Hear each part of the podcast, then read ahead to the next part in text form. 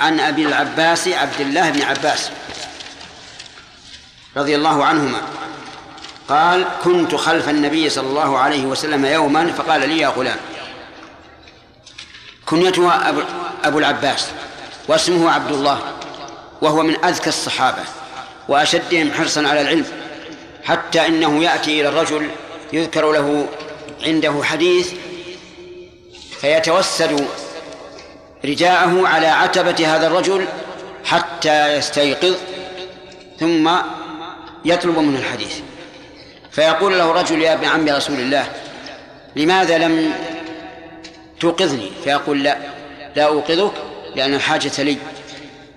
وكان رضي الله عنه من أشد الناس حرصا على العلم حتى إنه سئل بما أدركت العلم؟ قال بلسان سؤول. وقلب عقول وبدن غير ملول. هذه الثلاثة أدرك بها رضي الله عنه علما غزيرا واسعا. قال كنت خلف النبي صلى الله عليه وعلى آله وسلم أي وراءه. وهذا يحتمل أن يكون خلفه يمشي وراءه أو خلفه على دابة. والمقصود المعنى. فقال لي يا غلام إني أعلمك كلمات. ناداه بوصف الغلام لأنه كان صغيرا رضي الله عنه فإنه كان في حجة الوداع قد ناهز الاحتلام أي قارب أن يكون بالغا. فقال يا غلام وفي هذا أيضا تلطيف لندائه. يا غلام إني أعلمك كلمات. الجملة مؤكدة بإن لأهمية الموضوع حتى ينتبه المخاطب. أعلمك كلمات. أجمل ثم فصل. وقد قلنا إن الإجمال ثم التفصيل أبلغ في حفظ ما يلقى إلى المخاطب. لأنه إذا أتاه الشيء مجملا تطلع إلى معرفته تفصيلا. فيأتي التفصيل على محل قابل. كما ينزل المطر على أرض يابسة فتشرب المطر بسرعة. فلذلك كان أحيانا رسول الله صلى الله عليه وعلى آله وسلم يذكر الشيء إجمالا ثم يفصله. وقوله أعلمك كلمات جمع كلمة. الكلمة في اللغة العربية غير الكلمة عند النحويين. الكلمة في اللغة العربية هي الجملة المفيدة. كما قال الله عز وجل حتى إذا جاء أحدهم الموت قال رب ارجعون لعلي أعمل صالحا فيما تركت. قال الله عز وجل كلا إنها كلمة هو قائلها. وهو قد قال جمل رب ارجعون. جملتان لعلي أعمل صالحا فيما تركت. ثلاث جمل. قال الله تعالى كلا إنها كلمة هو قائلها. وقال النبي صلى الله عليه وعلى آله وسلم أصدق كلمة قالها الشاعر كلمة لبيد. ألا كل شيء ما خلا الله باطل. وهذا شطر البيت. وسماه النبي صلى الله عليه وعلى آله وسلم كلمة. وأما قول ابن مالك رحمه الله في الألفية وكلمة بها كلام قد يؤم فهذا مراده في اصطلاح النحويين. أي أن النحويين قد يطلقون الكلمة على الكلام. أما في اللغة فالكلمة لا تكون إلا جملة. بدأ بها تفصيلا. قال احفظ الله يحفظك. احفظ الله يحفظك. جملة مكونة من فعل أمر وجوابه. فعل الأمر احفظ جوابه يحفظك. وهذا كقوله إن تحفظ الله يحفظك. فما معنى حفظ الله؟ معنى حفظ الله عز وجل أن تحفظ حدوده وشريعته. فتقوم بأمره وتجتنب نهيه وتصدق خبره. أما يحفظك فالمعنى أنه يحوطك في أمور الدين والدنيا وليس في أمور الدين فقط. حفظ الله عز وجل للإنسان في الدنيا أن يحفظه في في نفسه من الآفات ونعم من الآفات العقلية والبدنية والفكرية وغير ذلك وأن يحفظه في ماله فيقيه الآفات والتلف وأن يحفظهم في أهله فيسلمهم له.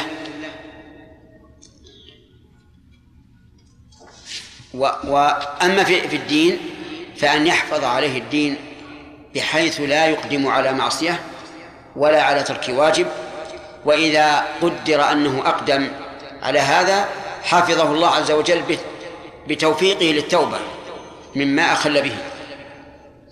فصار حفظ الله في الدين يشمل حفظ المرء قبل أن يقع في المخالفة وحفظه بعد أن يقع في المخالفة. احفظ الله يحفظك. احفظ الله تجده تجاهك أي أمامك. كررها احفظ الله لتكرر الجزاء وتنوعه. الأول قال احفظك. الثاني الجواب تجده صالح بن هارون. وين أنت؟ نعم. تجده تجاهك أي أمامك. يعني يدلك على ما فيه الخير. فالأول حفظ والثاني دلالة على الخير. تجده تجاهك أي أمامك. وليس معنى هذا أن الله عز وجل في المكان الذي الذي أنت فيه لكنه أمامك وإن كان هو فوق السماوات سبحانه وتعالى على عرشه. كقول النبي صلى الله عليه وعلى آله وسلم في المصلي إن الله قبل وجهه والله تعالى في السماء. ليس بينه وبين جدار المسجد مثلا. اتق نعم احفظ الله تجده تجاهك إذا سألت فاسأل الله. إذا سألت أي طلبت شيئا. فلا تطلبه من مخلوق. اسأل الله عز وجل. لأن المخلوق قد يعتذر. لأن المخلوق قد يعجز. والخالق عز وجل يحب من عبده أن يسأله وهو قادر على إجابته. ولهذا قال الشاعر لا تسألن بني آدم حاجة وسل الذي أبوابه لا تحجب الله يغضب إن تركت سؤاله وبني آدم حين يسأل يغضب. وصدق. إذا سألت فاسأل الله إذا استعنت أي طلبت المعونة فاستعن بالله عز وجل أطلب العون منه. ولهذا كان كنا ندعو في الصلاة في كل صلاة إياك نعبد وإياك نستعين أي نطلب منك العون. وقوله إذا استعنت فاستعن بالله يشمل كل شيء. كل شيء تحتاج فيه إلى معونة لا تستعن إلا الله عز وجل لأنه القادر على معونتك. وإذا استعنت فاستعن بالله. واعلم أن الأمة لو اجتمعت على أن ينفعوك بشيء لم ينفعوك إلا بشيء قد كتبه الله لك. صدر هذه الجملة بالعلم. نعم بالأمر بالعلم لأهميتها. اعلم أي علم يقين أن الأمة كل الأمة والمراد جميع الناس لو اجتمعت على أن ينفعوك بشيء لم ينفعوك إلا بشيء قد كتبه الله لك. وإذا كان كذلك فمن يسأل الإنسان؟ يسأل الله عز وجل. والله تعالى قد يجري الخير على يد بعض الناس. لكن هذا الذي جرى على يد بعض الناس هو بأمر الله تبارك وتعالى. شيء قد كتبه الله لك. وإذا لم يكتب الله لك هذا فإنه مهما كان لا يستطيعون نفعك و ولو اجتمع على أن يضروك بشيء لم يضروك إلا بشيء قد كتبه الله عليك. لو اجتمعوا كلهم على أن يضروك بشيء لم يضروك إلا بشيء قد كتبه الله عليك. وهذا يعني أنهم إذا ضروك فاعلم أن ذلك بعد أن كتبه الله عليك. فلا مفر منه. قال صلى الله عليه وعلى آله وسلم نعم قد كتبه الله عليك كتبه الله لك وكتبه الله عليك.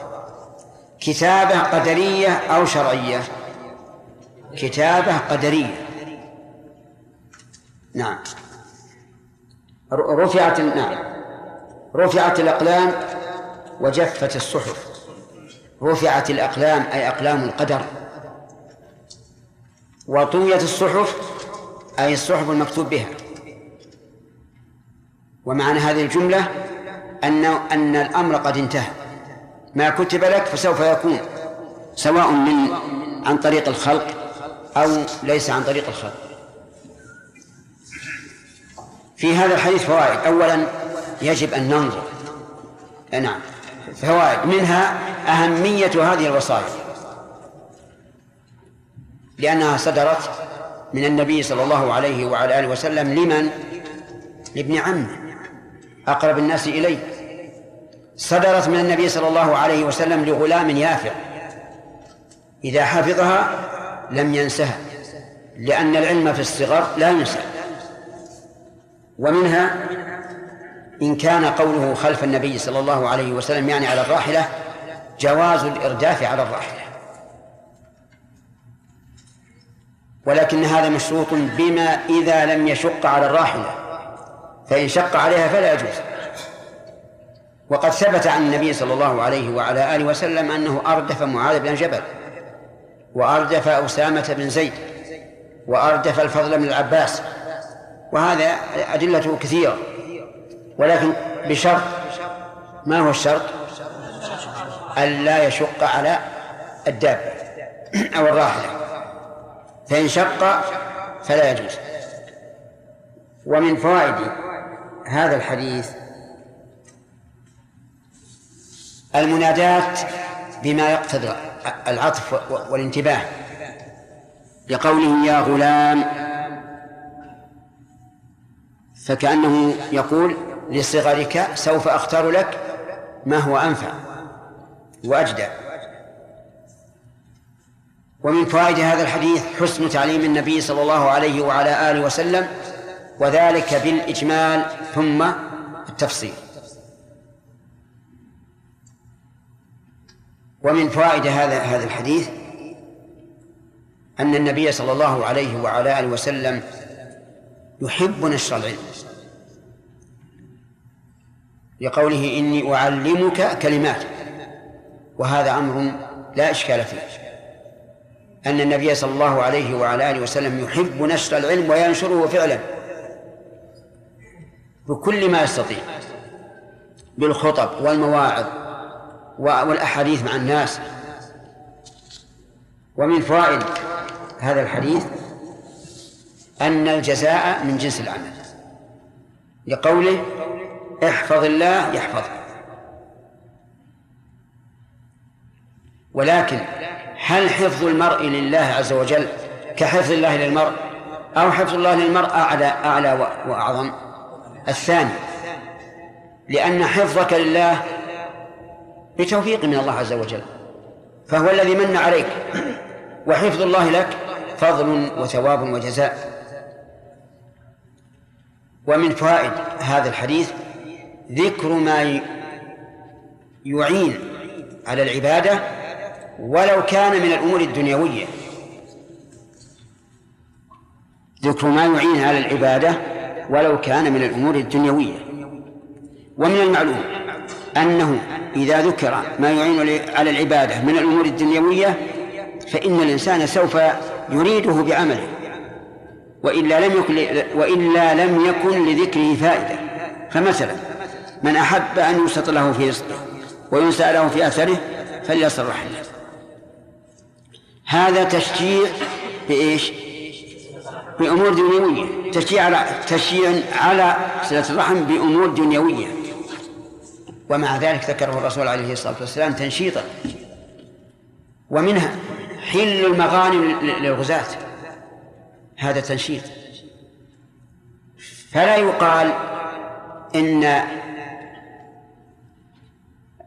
ذكر الثواب الدنيوي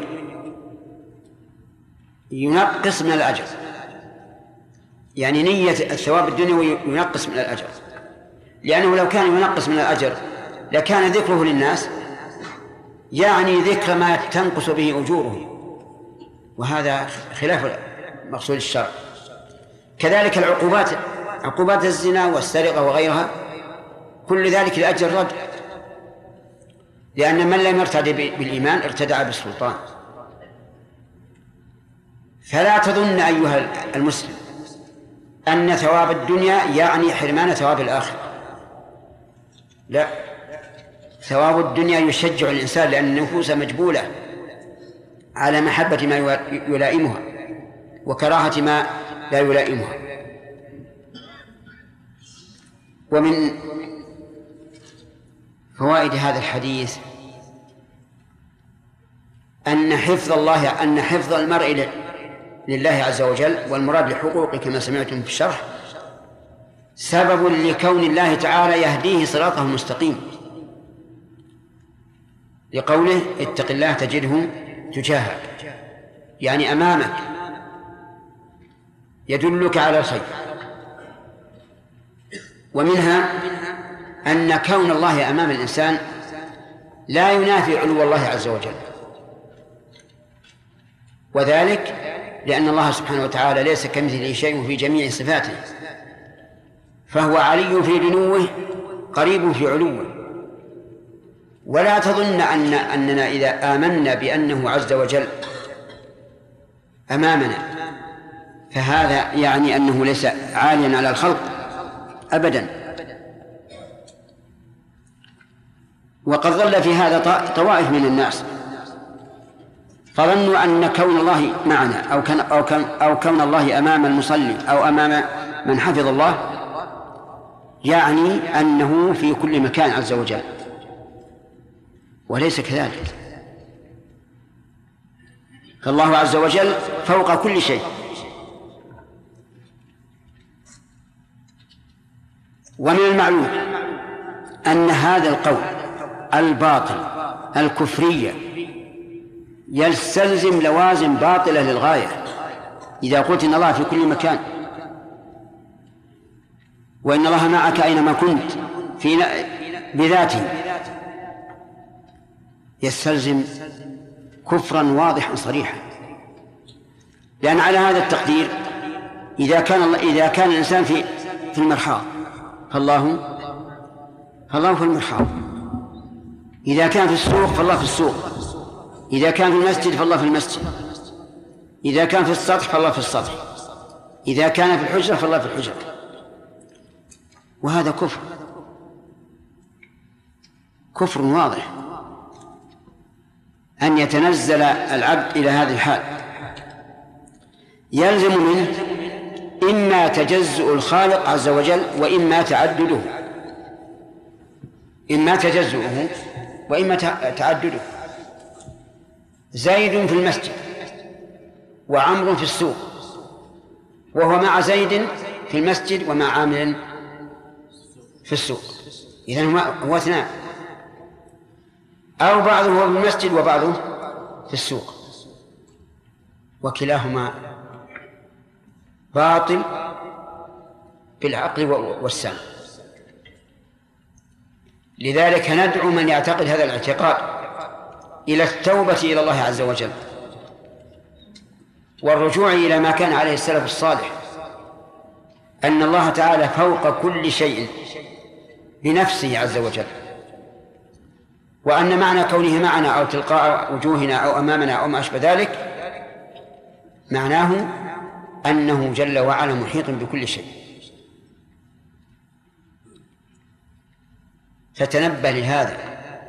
لا تمت على كفر لا, لا, تدري به. إذن عقيدتنا أن الله فوق كل شيء. وأنه معنا وأنه تلقاء وجوهنا وأنه أمامنا. وهذا لا ينافي علوه لأن الله ليس كمثله شيء وهو محيط بكل شيء عز وجل. ومن فوائد هذا هذا الحديث أنك إذا سألت فاسأل الله. لا تسأل غيره. ولكن لو سألت غيره فيما يحل لك فهذا بإذن الله عز وجل. لو سألت غيرك فيما يحل لك فهو فهو بإذن الله. فلم تخرج عن عن سؤال الله. لكنك اتخذت الوسيلة الموصلة إلى ما يريد الله عز وجل من عطائك.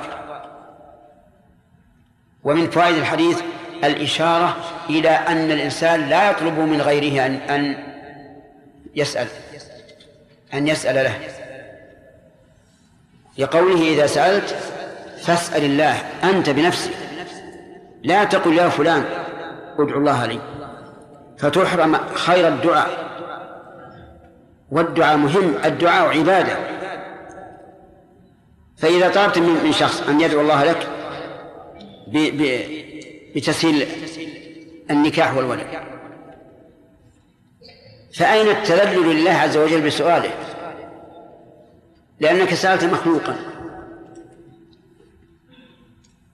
وسبحان الله تجعل بينك وبين الله واسطة في الدعاء وأنت قادر على أن لا يكون بينك وبينه واسطة. هذا لا ينبغي ولا يليق. ولكن ما ورد عن النبي صلى الله عليه وسلم في مثل هذه الأمور فإما أن يقال إن النبي صلى الله عليه وعلى آله وسلم ليس كغيره وإما أن يكون السؤال ليس للطالب بل لغيره. لعموم الناس. كالذين قالوا يا رسول الله هلكت الأموال وانقطعت السبل فادعو الله يغيثنا. وعكاش بن محصن لما تحدث النبي صلى الله عليه وعلى آله وسلم أن من هذه الأمة سبعين ألفا يدخلون الجنة بلا حساب ولا عذاب قال ادعو الله يجعلني منهم. مناسب يعني سأل النبي لمناسبة وهي ذكر هؤلاء السادة الذين يدخلون الجنة بلا حساب ولا عذاب. والمرأة التي قالت تسرى فقالت ادعو الله تعالى أن يعافيني. هذه كلها مناسبات. ثم الرسول عليه الصلاة والسلام ليس كغيره. فالمهم أن سؤال الغير الدعاء غير مرغوب فيه. تسأل من؟ اسأل الله عز وجل. وإذا كان ولا بد. فانوي أنك تريد نفع هذا الغير. الذي يسأل لك. لأنه إذا سأل لك فقد أحسن والله يحب المحسنين. وقد نبه شيخ الإسلام ابن تيمية على هذا المعنى. ومن فائدة هذا الحديث أنك تسأل الله عز وجل كل شيء تحتاج إليه. من أمور الدين والدنيا. الصغير والكبير. حتى جاء في الحديث ليسأل أحدهم ربه حتى شراك نعله. لا تحقر لا تقل هذا الشيء. أستحي من الله أن أسأله لحقارته. لأنك إذا سألت الله فقد أتيت عظيما من العبادة. فإن الدعاء عبادة. دعنا من من الشيء الذي طلبت. قد يكون سهلا وليس له أهمية لكن مجرد دعائك لله عز وجل هذا شيء عظيم. طيب من فوائد هذا الحديث أن طلب العون لا يكون إلا من الله. يعني أن تطلب العون من الله عز وجل. لقوله وإذا وإذا استعنت فاستعن بالله. ولكن قد أذن لنا أن نستعين بالغير بغير الله فيما يقدر عليه المستعان. كما قال صلى الله عليه وعلى آله وسلم تعين الرجل في دابته فتحمله عليها أو ترفع له عليها متاعه صدقة وهذا مما أذن فيه فلا ينافي قوله إذا استعنت فاستعن بالله. هناك أشياء لا يمكن أن يعينك أحد عليها إلا الله عز وجل. فهذه لا تستعن بغير الله فيها. هناك مستعان لا يمكن أن يعينك كالاستعانة بالأموات وبالغائبين وما أشبه ذلك. هذا أيضا لا لا يحل لا يحل. ومن فائدة هذا الحديث أن لا يبالي الإنسان بالعالم ما دام على حق. لقوله واعلم أن الأمة إلى آخره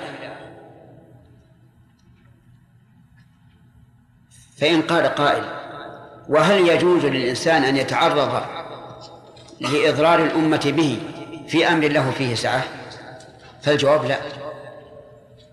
لا تتهور وتقدم على شيء يضرك الناس به وتقول لو اجتمعوا على أن يضروني بشيء ما ما ضروني إلا بشيء قد كتبه الله علي.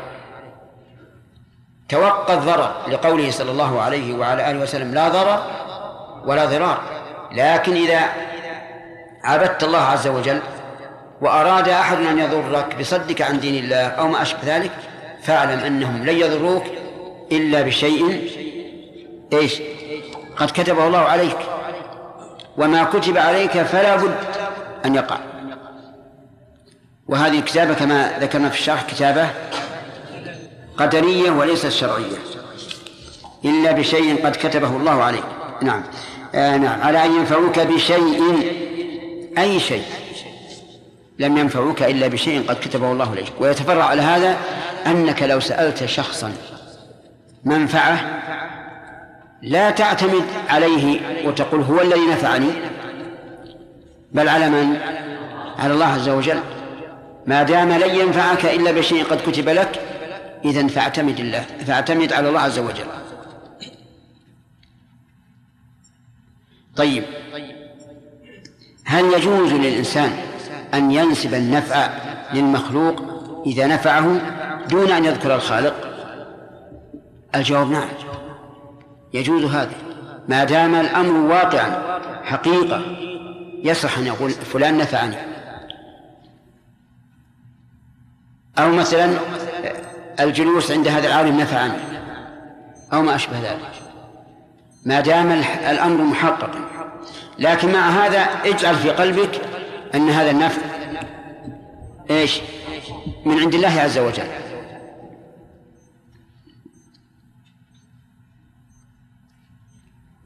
ومن فوائد ومن فوائد هذا الحديث أن الأقلام أقلام المقادير قد رفعت. نعم. يقول رفعت الأقلام وانتهى كل شيء. ولكن هل يعني ذلك أن لا تسأل الخير؟ فالجواب لا. اسأل الخير. وما أدريك لعل الذي كتب لك في هذه الأقلام؟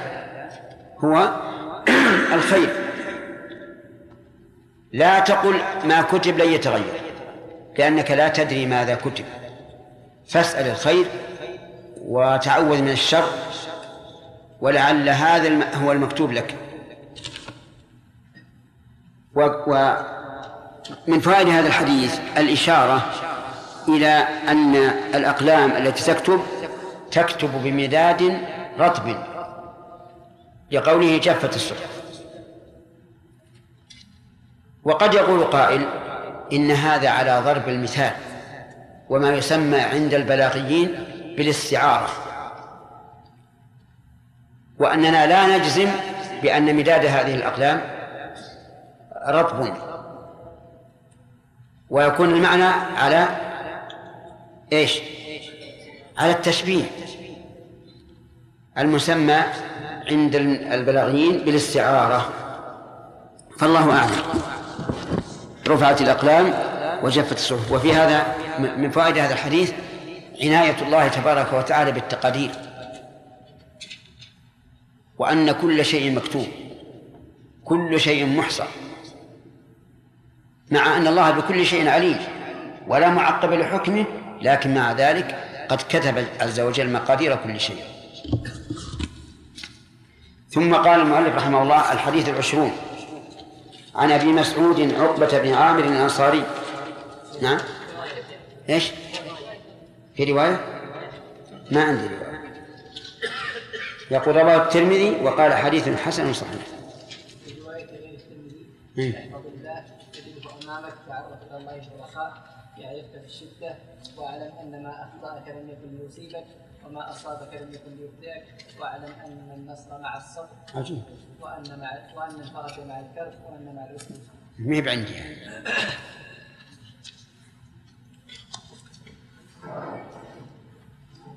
خلينا نشوف هذا.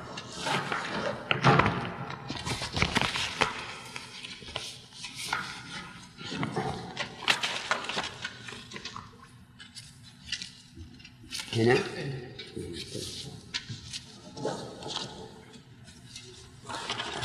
الرواية هذه فيها جمل مهمة. قال رواه الترمذي وقال حديث حسن صحيح. وفي رواية آل الترمذي احفظ الله تجده أمامك. هذا اللفظ لا يختلف عن الأول في المعنى. فإن تجاهك بمعنى أمامك. تعرف إلى الله في الرخاء يعرفك في الشدة. تعرف أي اطلب معرفة الله لك. في حال الرخاء. يعرفك في حال الشدة. وهذه المعرفة معرفة خاصة. لأن لأن الله عز وجل يعلم كل أحد. سواء تعرف إليه أم لا. لكن هذه المعرفة معرفة خاصة. ومعنى التعرف إلى الله عز وجل معناه أن تتملق له بالطاعة فلا يفقدك حيث أمرك ولا يراك حيث نهاك. هذا التعرف إلى الله. كما تقول تعرف إلي فلان بمعنى ذكر لي من أوصافه وأعماله ما أعرفه بها. وقول في الرخاء أي رخاء الحياة كالصحة والغنى والأمن وما أشبه ذلك. يعرفك أي الله عز وجل معرفة خاصة في الشدة أي في حال الشدة عليك. فيعرفك إذا مرضت يعرفك إذا افتقرت يعرفك إذا خفت. وأهم شيء أن يعرفك عند الموت فيثبتك. ويسددك لأن أشد مع الإنسان حين الموت. فإذا تعرفت إلى الله في الرخاء عرفك في الشدة. نعم. واعلم أن ما أخطأك لم يكن ليصيبك. هذه كما قلنا يعني طلب العلم بها لأهميتها. أن ما أخطأك أي ما قدر أن يخطئك. وليس المعنى ما أصابك لأن ما لأن هذا لو كان معنى ما أصابك لكان الكلام لغوا لا فائدة منه. لكن ما أخطأك أي ما قدر أن يخطئك. لم يكن ليصيبك. فلو اجتمعت الأمة على أن يضروك وهو لم يكتب عليك لا يمكن أن يقع. وما أصابك؟ لم يكن ليخطئك. ما أصابك هذه يصح أن تقول ما قدر أن يصيبك أو ما أصابك فعلا ووقع لم يكن ليخطئك.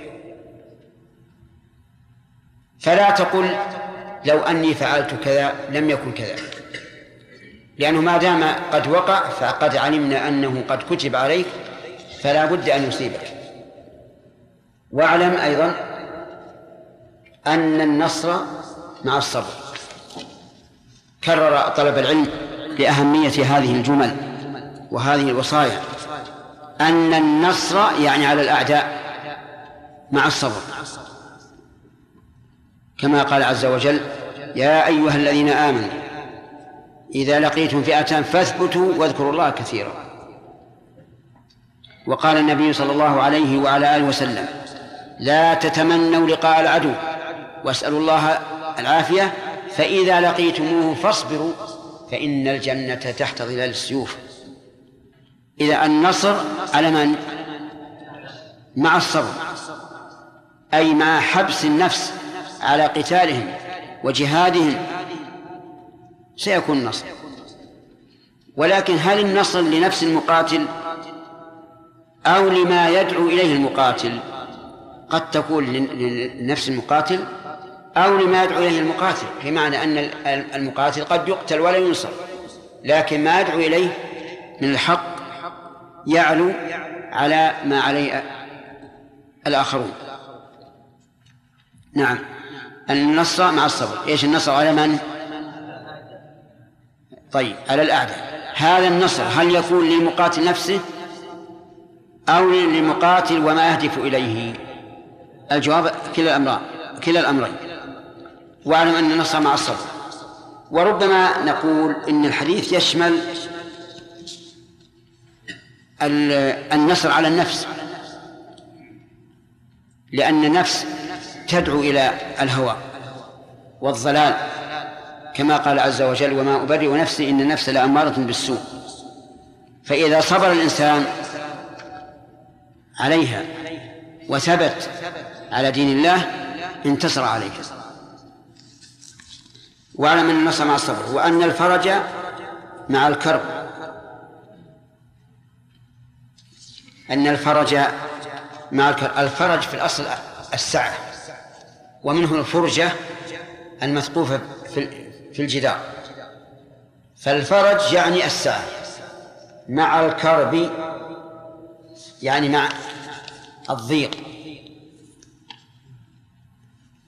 ولهذا قيل اشتدي أزمة تنفرجي فكلما اشتدت بك الأمور فإن والكربات فإن الفرج قريب. لأن النبي صلى الله عليه وسلم قال واعلم أن الفرج إيش؟ مع الكرب. مع مع الكرب. كيف مع وأن مع العسر يسر. طيب ما كلما اشتدت الأمور فاعلم أن الفرج قريب. لقول النبي صلى الله عليه وعلى آله وسلم واعلم أن الفرج مع الكرب. قال وأن مع العسر يسرا. كلما تعسرت الأمور عليك وعلقت قلبك بالله تيسرت لك الأمور. في القرآن الكريم فإن مع العسر يسرا إن مع العسر يسرا. قال العلماء ذكر الله العسر معرفا بأل وذكر الله اليسر غير معرف منكرا. والكلمة إذا عادت نكرة فالثاني غير الأول. وإذا عادت معرفة فالثاني هو الأول. بعض الناس يا شيخ يأتي على المخالفات وإذا قيل له كذلك قال أن هذا هذا قدر كتب الله كتبه الله عليه. نعم. ما حجة هذا حجته باطلة. قال الله عز وجل سيقول الذين أشركوا لو شاء الله ما أشركنا ولا آباؤنا ولا حرمنا من شيء كذلك كذب الذين من قبلهم حتى ذاقوا بأسنا. فأذاقهم الله بأسا ثم نقول لهذا ما الذي أعلمك أنه قد كتب عليك الضلال قبل أن تفعل؟ هو يدري. طيب ليش تفعل؟ لماذا لا تقدر أن الله كتب لك الخير وتعمل الخير؟ ثم نقول أنت الآن تختار مثل هذه المدرسة على هذه المدرسة. ولا تختار المدرسة السيئة وتقول مكتوب عليه ثم نقول إذا كان للبلد طريقان أحدهما آمن والثاني مخوف فإنك لن تسلك المخوف وتقول إن هذا قد كتب علي. وعلى كل حال نحن نتكلم معه بهذا للرد عليه لعل الله يهديه. وإلا فإن بقي على احتجاجه فأمامه الجزاء يوم القيامة. كذلك كذب الذين من قبلهم حتى ذاقوا بأسنا. واضح؟ نعم. هل يصح قول أعتمد على الله ثم أعتمد عليه؟ لا بأس. أعتمد على الله ثم أعتمد عليك. لا بأس. لا التوكل ما ينبغي. التوكل لا ينبغي. أتوكل على الله ثم عليك ما ما ينبغي. لأن التوكل عند الإطلاق ينصرف إلى توكل العبادة. لكن يصح أن نقول من حيث المعنى توكلت على الله توكل عباده وعليك توكل تفويض. كما قالت عائشة رضي الله عنها للنبي صلى الله عليه وعلى آله وسلم حين رأت الكراهية في وجهه وقد رأى الصور في بيتها قالت أتوب إلى الله وإلى رسوله. ماذا أذنبت؟ والتوبة التعبدية لا تكون إلا لله. فيحمل فتحمل التوبة على الله على التوبة التعبدية وإلى الرسول على التوبة اللغوية لأن تاب بمعنى رجع لغة. نعم. شيخ بعض الناس يسعى في تحصيل وظيفة ثم إذا سئل مثلا هل حصلتها يقول نعم. سئل بما حصلتها يقول والله لولا لولا فلان ما حصلتها نعم. لا حرج. إذا كان صحيحا أن فلانا سعى له حتى حصلت فلا حرج. أما لو قال لولا فلان الميت هذا حرام ما يجوز. شرك. ما يكون هذا من التوكل لا لا ما يكون. ما يكون. لكن لو قال إن الله تعالى يسرها لي بواسطة فلان هذا أحسن. أما المنع ما نمنع. نعم أثابكم الله بعض الناس يقول إذا انتهى إذا انتهى أمر وكذا رفعت الأقلام وجفت الصحف إذا رجع الإنسان في مسألة يعني قد حسمها يقول له رفعت الأقلام وجفت الصحف استشهادا أو استشهادا لا أرى في هذا بأسا لأنه لا شك أنه, أنه لما وقع الشيء فقد كتب بلا شك. نعم. شيخنا بارك الله فيك قلنا ما أخطأك أي ما قدر أن يخطئك. نعم. ولم نقول الوجه الثاني ما يصح. وفي العبارة الثانية ما أصابك قلنا يصح الوجهين. إي نعم. الفرق ما أصابك لم يكن ليخطئك. يعني ما قدر أن يصيبك فلا بد أن يصيبك. ثم تقول إذا أصاب الإنسان السوء آه، آه، الإنسان السوء تقول هذا مقدر وما أصابك لم يكن ليخطئك. هذا صحيح. لكن ما أخطأك لم يكن يصيبك ما يمكن يقع. لأن هذا عدم وليس وجودا. نعم.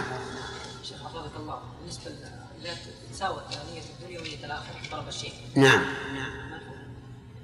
إذا تساوى طلب الدنيا والآخرة نقص الأجر. لا شك. لكن إذا كان الإنسان تشجع على هذا الفعل بما يثاب عليه في الدنيا فلا بأس. نعم. أحسن الله إليك. دعاء المسلم لأخيه في ظاهر الغيب مستجاب. فهل يشرع للإنسان أن يقول لأخيه اذكرنا في دعائك في ظاهر الغيب؟ أبدا. إذا سألت فاسأل الله. يا أخي الدعاء عبادة. اعبد الله عز وجل بدعائه ولا تذل نفسك أمام هذا الرجل. ثم هذا الرجل ربما ينتفخ ويقول أنا من أنا. يطلب الناس من دعائي لهم. فيحصل ضرر تقسم ظهره. طيب. آه، تكلمنا على الآية الكريمة. فإن مع العسر يسرا إن مع العسر يسرا.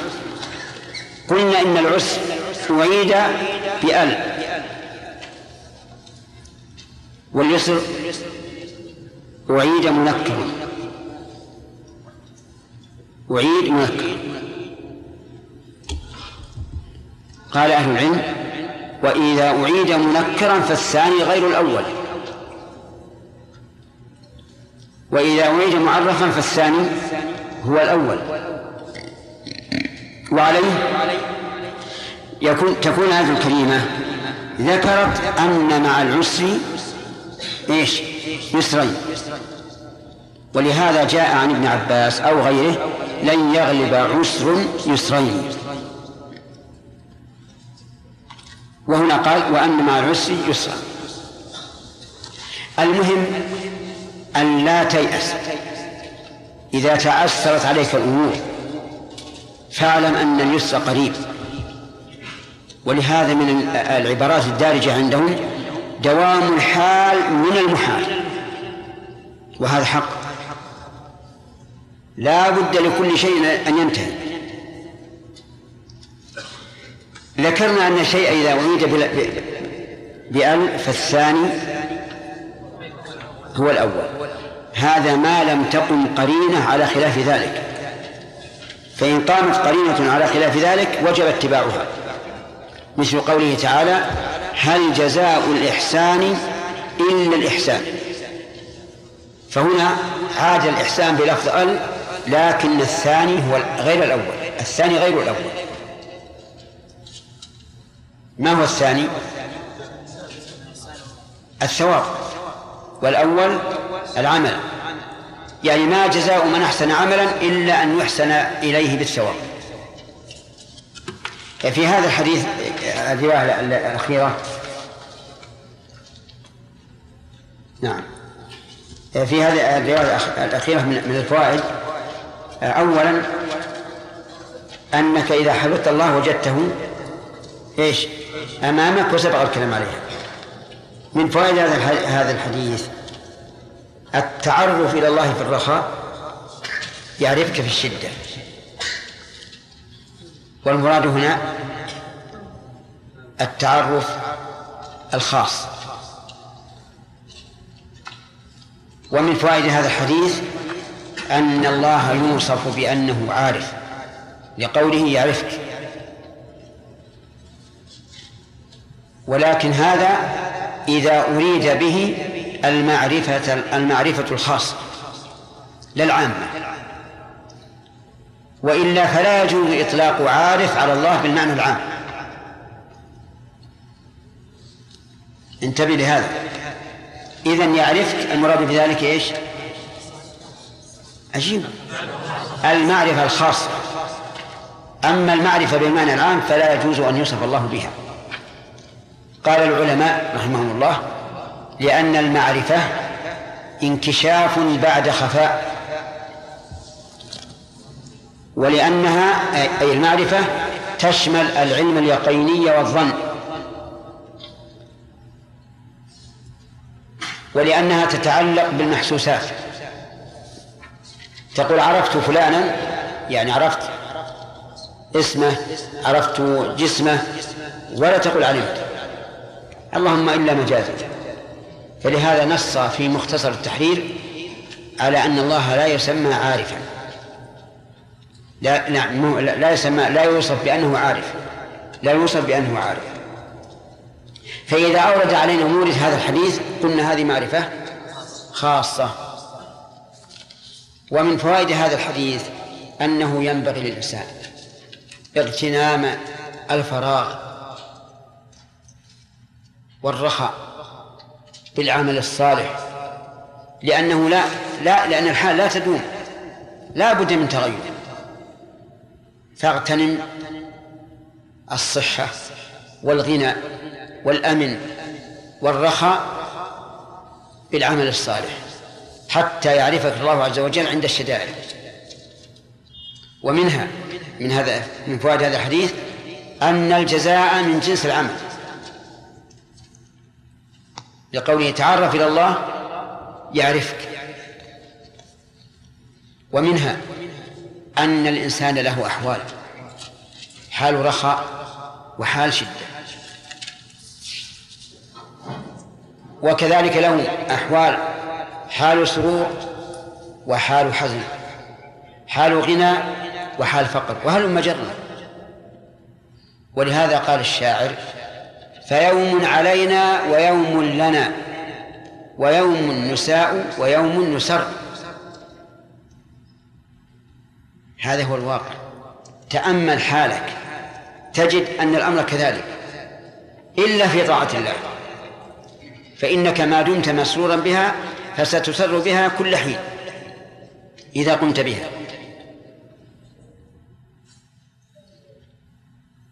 نعم من فوائد هذا الحديث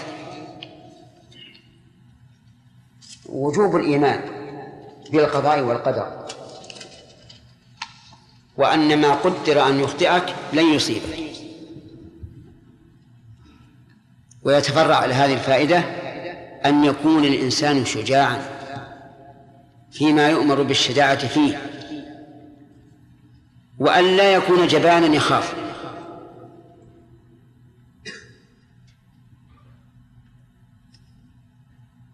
أليس كذلك؟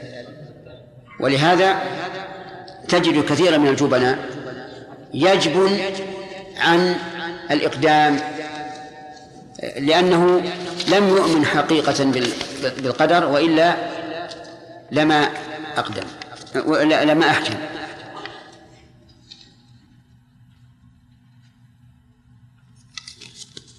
طيب. ومن فوائد هذا الحديث أن لا يندم الإنسان على مصاب على مصيبة. أن لا يندم الإنسان على مصيبة. لقوله وما أصابك لم يكن ليخطئك. لا تحاول أن ترفع الواقع أبدا ولكن اصبر. قال الله عز وجل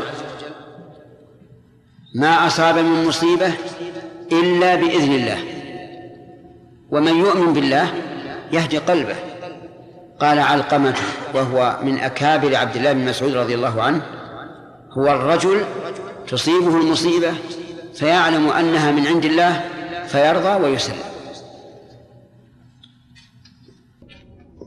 وهذا يحصل لمن علم أن ما أصابه لم يكن ليخطئه. طيب فإذا قال قائل إذا كان كذلك فهل لي أن أحاول التخلص مما أكره بعد نزوله؟ فالجواب نعم. لك أن تحاول التخلص على طريق شرعي. بل قد يجب عليك أن تفعل. لو أن الإنسان قدر أن أن يقوم بمعصية. من معاصي الله عز وجل؟ فالمعصية مكتوبة لا شك. لكن يجب عليه أن يتخلص من أوضار هذه المعصية. بماذا؟ بالتوبة إلى الله عز وجل. أما الكبائر فلا إشكال. أنه لا بد لها من توبة. وإلا لم يكن لفتح باب التوبة معنى كل كبيرة لا بد لها من توبة. وأما الصغائر فإنه قد مر علينا أنها تقع مكفرة بفعل الحسنات. أفهمتم؟ هذا رأي الجمهور وهو الحق. فلا بد من توبة في الكبائر. الصغائر أيضا لا بد من توبة بحيث لا يصر عليها. أما لو أصر عليها فإن الحسنات لا تكفرها. لأنها تكون أي الصغائر كبيرة إذا أصر الإنسان عليها. هذا هو مسلك جمهور العلماء كما حقق ذلك ابن رجب رحمه الله في شرح هذا الكتاب. في نعم في شرح هذا الكتاب. ومن فوائد هذا الحديث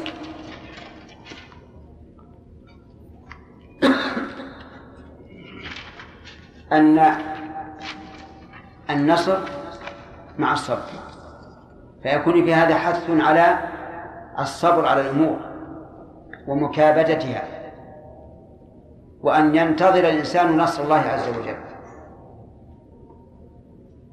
قال الله تعالى أم حسبتم أن تدخلوا الجنة ولما يأتكم مثل الذين خلوا من قبلكم مستهم البأساء والضراء وزلزلوا حتى يقول الرسول والذين آمنوا معه معه إيش؟ متى نصر الله؟ ألا إن نصر الله قريب. ومن فوائد هذا الحديث أنه كلما اشتدت الكرب فالفرج أقرب. لقول النبي صلى الله عليه وعلى آله وسلم وأن الفرج مع الكرب. فكلما اشتدت بك الأمور فاعلم أن الفرج قريب.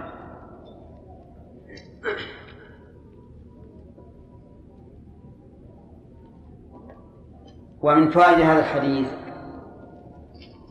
أن مع العسر يسرا. وكلما تعسرت الأمور فانتظر التيسير.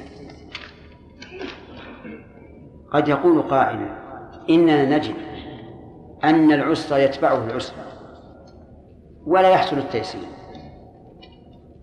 فيقال إن النبي صلى الله عليه وسلم قال قول الحق ويكون تخلف التيسير مع العسر إما لضعف إيمان الإنسان واستيلاء اليأس عليه واستبعاد التيسير من الله وحينئذ يحرم. وكذلك يقال أن الفرج مع الكرب. كلام النبي صلى الله عليه وسلم حق لكن تخلف ما أخبر به لا بد أن يكون هناك سبب. ما هو السبب يا غانم؟ ضعف الإيمان ضعف الإيمان. أن لا يثق بهذا القول وأن يستبعد اليسر أو يستبعد الفرج فيعاقب على حسب ظنه. ولهذا جاء في الحديث أن الله عند ظن عبده به.